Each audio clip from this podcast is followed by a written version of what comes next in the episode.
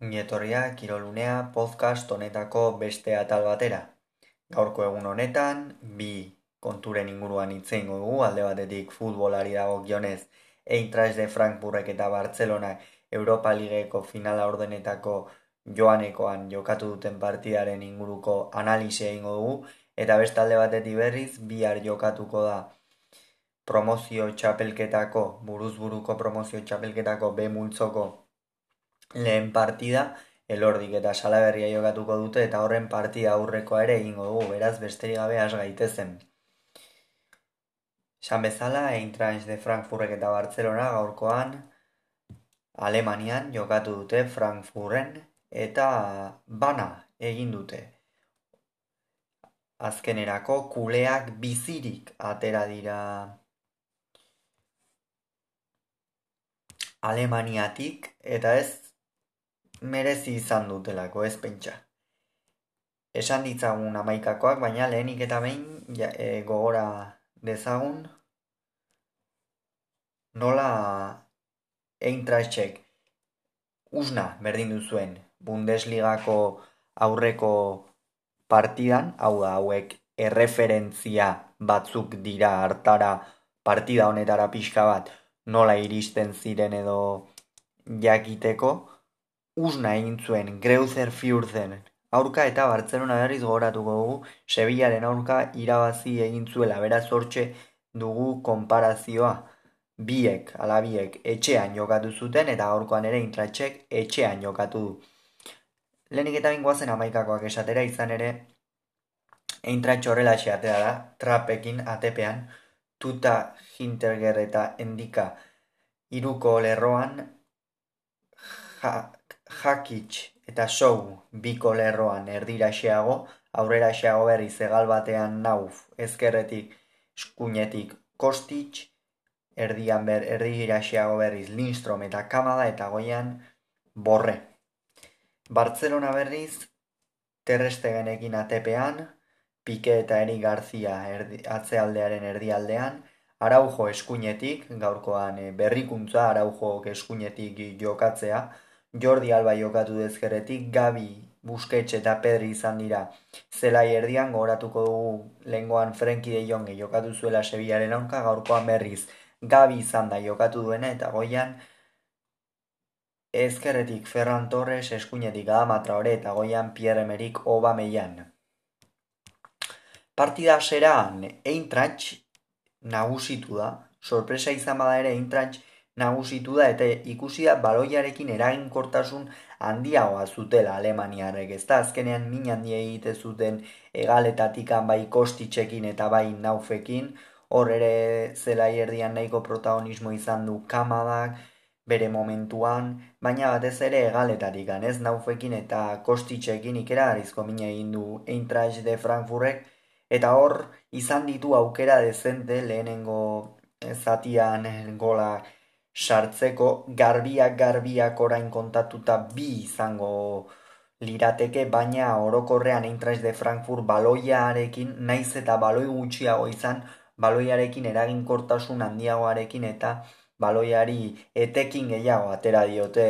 Alemaniarrek gaurko egunean Bartzelonak, baino ez da Bartzelonak bere akatsetako bat eta jada urte batzuk badara mazkiena akatsonekin gaurkoan berriro ere agerian utzi du, izan ere atzealdean kontrerasoetan defenditzera joateko garaian hor asko kostatzen zaie atzera joatea atzelariei baita erdilariei ere eta hor orduan gaurkoan Eintracht de Frankfurtek hortikan etekin dezente atera du. Ezta batez ere esan dugu bezala egaletatik naufekin eta kostitxekin Bartzelonaren atzeratze horiek ongi aprobetsatu dituzte atzeratze zain on horiek, ezta? Eta zalantzarik gabe hori izan da gaurkoan eintratzen arrisku gunerik edo arriskurik handiena, ez da bestalde ere askotan bakarrikan errematatu behar izan dute eta behar bada horre da Bartzelonaren arazoa, ez da? Lehenengo zatian Bartzelonak egia esan asko asko sufritu du eta oberena zeukana edo gauza positiboena azkenean emaitza usnako emaitzarekin joan direla aldageletara. Ez da hori izan da gako nagusia, usnako emaitzarekin joan direla aldageletara izan ere, asko estutu du eintratxek, baloiarei etekin handia atera dio, ikeragarrizko abiadurarekin ateratzen ziren, eta hori baloiaren jabetza gutxiago izan dutela, ez da noski garbitzegoen Bartzelonak izango zuela gaurkoan baloiaren jabetza, baina intratxek baloiari etekin gehiago, atera dio, behin eta berriz esaten ari gara hori ezta. Eta bigarren zatian berriz, nahiko hasieran berroita zortzi garen minutuan, eintratxeken korner baten erdiraketan, gero ere esan behar dugu, e, Bartzelonak, Bartzelonari da arazoak nahiko hasieratikan etorri zaizkiola. Izan ere, hogeita irugarren minutuan, Gerard Pikek min hartu du, eta zelaia utzi behar izan du ikusiko dugu nola garatzen den lesio hau, baina Clement Lengletek atera behar izan du eta Lengletek eta eri Garziak osatu dute atzealdeko erdiko lerro hori, ezta? Orokorrean biakon jaritu dira, bada o, ez da bai da ugari, ez da bi hauek zelaian daudenean Bartzelonak asko galtzen duela atzealdean, segurtasuna galtzen duela, berez, segurtasun gutxi baldin badu bi hauek daudenean gutxiago duela, baina gaurkoan maila ona erakutsi dute biek alabiek, bai lengletek eta bai Erik Garziak batez ere eintratx sartu da, baina ez arrisku handiarekin behar bada bi hauek egon direnean, ez da hori bai. Hor berroita zortzi garen minutuan erdirak eta bat egin du korner batetik anein tratxek, eri garziak ez du behar bezain ongi urrundu eta hortzen zen nau farea ertzea baino pixka bat atzera eta sekulako gola egin du. Naufuek sekulako efektua eman dio eta terrestegenek ez du ezer egiterikan izan, ez da? Hortxe izan da intratzen lehenengo gola eta hortxe izan da apur bat Bartzelonaren berpizkundea edo esan dezakegu, ez da? Azkenean, ama bi amalau minutu beranduxeago,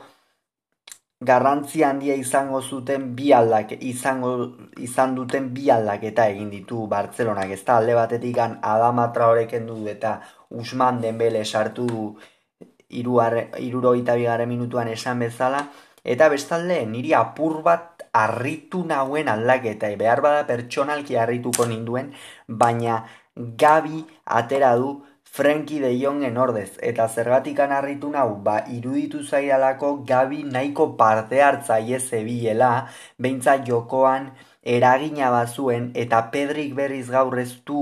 ez du bere eguna izan, ezta? Ez du bere eguna izan ez, ezin da baloratu gaurkoan Pedriren orgeagoka izan ere erabat desagertuta egonda, ez dakigu zer gertatzen zitzaion teguesteko mutilari, baina oso oso parte hartze gutxi izan du jokoan eta hori bera Bartzelonaren iparrorratza dela, ez da, garai batean Sergio Busquets zen orain digan ere jokatzen ari da, baina Pedrik eraginkortasun eta eraginkortasun eta eragin gehiago daukala esango nuke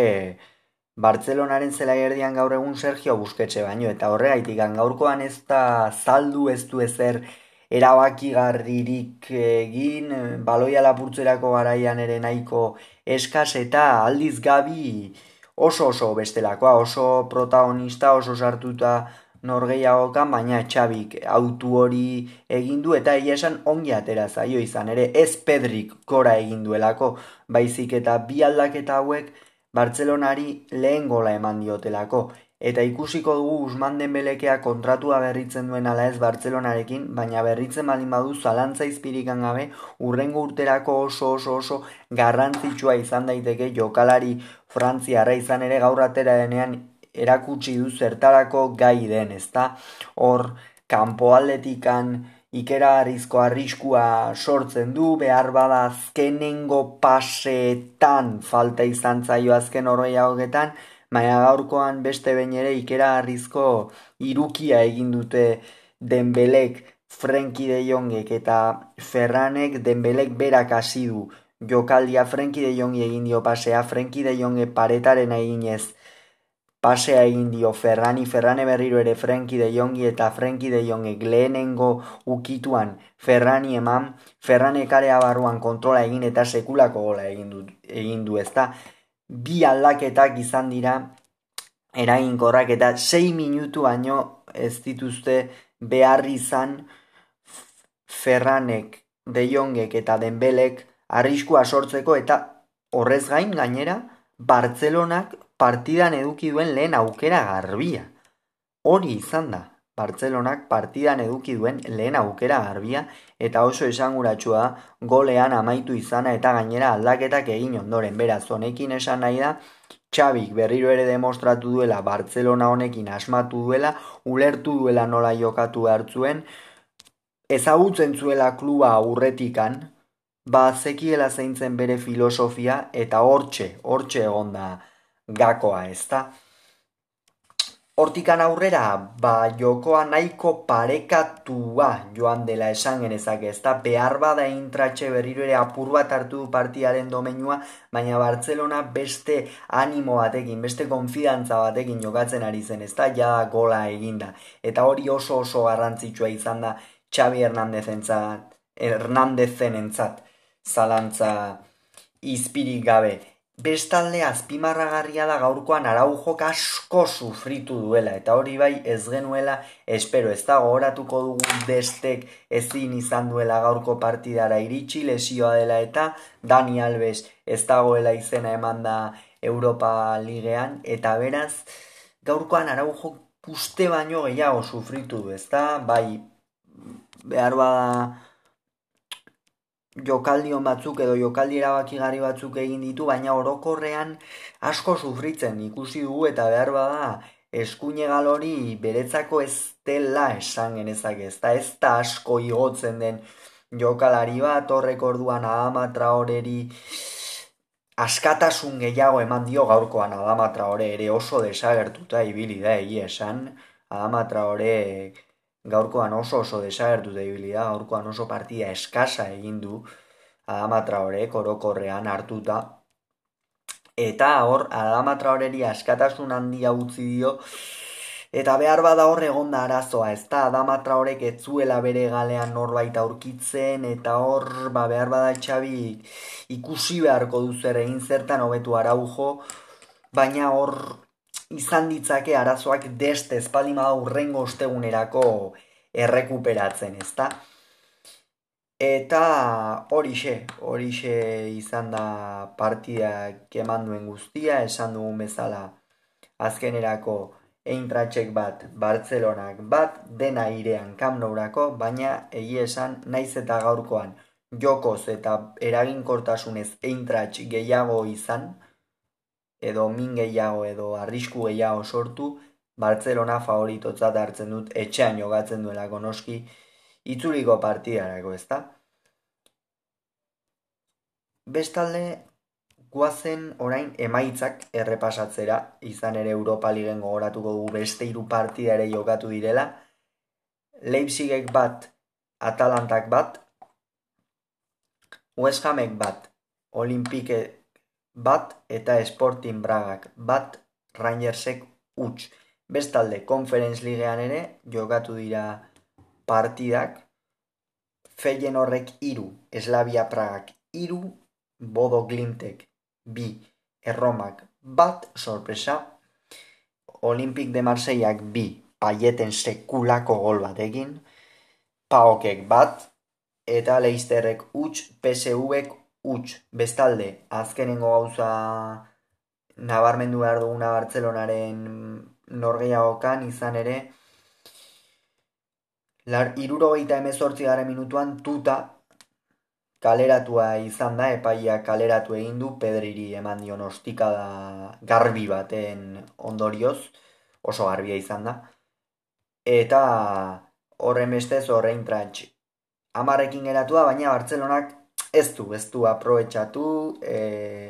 eta horixe, dena irean geratzen da kamnauko itzuliko partidarako, ez da? Guazen orain baloietik e, frontoietara, baloia aldatu eta pilota hartzera, izan ere, bihar jokatuko dute irurtzunen, irurtzungo biaizpe pilotalekuan, e, elordik eta salaberriak buruzburuko promozio txapelketako B multzoko final laurdenetako partida. Elordi eta salaberria, salaberria eta elordi bihar aurrez aurre. Gogoratuko du alde batetik han. Elordik Darioren aurka jokatu zuela Eibarren eta galdu egin zuela eta horren bestez lehen mailako txapelketatik kanpo gelditu zela. Eta bestalde batetik berriz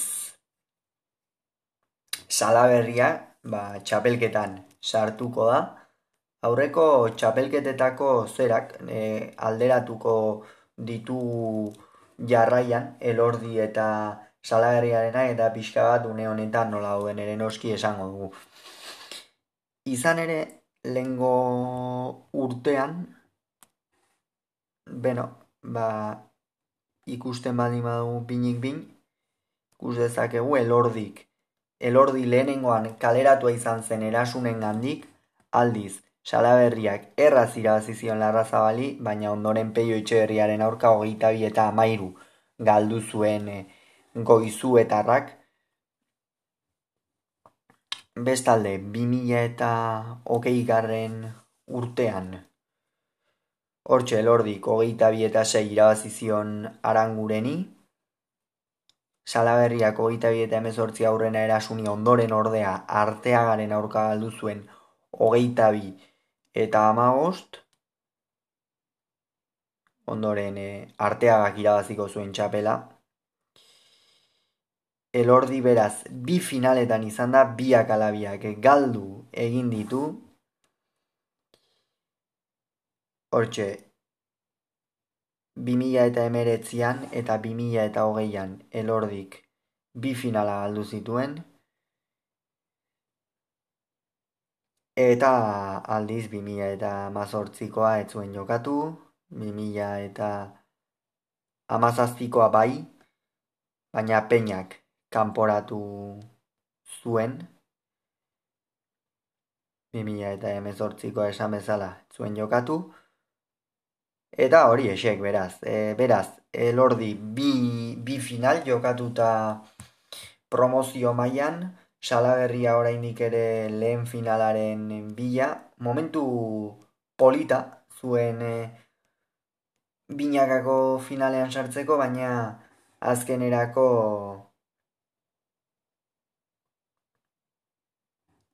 azkenerako ez du ez duten lortu erostarbek eta biek sartzea eta zalantza izpirikan gabe ilusio handiarekin hartuko du partida hau ez da. Non egon daitezke biharko partidako gakoak. Badakigu elordi aterako dela, favorito, alerenik enuke oso oso favorito emango maia biharra izan ere salaberriak partida honak egin ditu buruz buru, ez da gorputz handiko mutila salaberria, behar bada apur bat ere gorputzak engainatzen du buruz buru jokatzerako garaian, baina orokorrean esan dezakegu, bai, elordi aterako dela favorito, baina salaberria susto txiki bat ere eman dieza jokela, ez da hor batez ere aurreko tikitaka horretan irabaz dieza jokela iruditzen zait salaberriak elordiri, Alere, lordi, bai, gehiago da kolpez, boleaz ere takateko handiagoa ematen dio, abiadura gehiago ematen dio, eta behar bat alde horretatik gane, lordi apur bat koska bat gora, ez? E, elordi orokorrean, txapelketa hau irabazteko favoritoetako bat da, favoritoetako bat da, eta hori ere oso kontutan hartzekoa da, ez da azkenean, lehen maiago txapelketan, zerbait egatikan sartuko zuten, orain e, bi, bi e, buruz buruko bi final jogatu ditu promozio mailan esperientzia handia duen pilotaria maila honetan, baina salaberriak ere ilusio handi zartuko du txapelketa hau, eta ikusiko du partida polita espero da bihar irurtzungo bi eizpe pilotalekuan, eta ikusiko du ea zer gertatzen den. Hau izan da gaurko esan guztia, aurrengoan gehiago izango duzue kirolunea podcast honetan, bitartean ongi agur.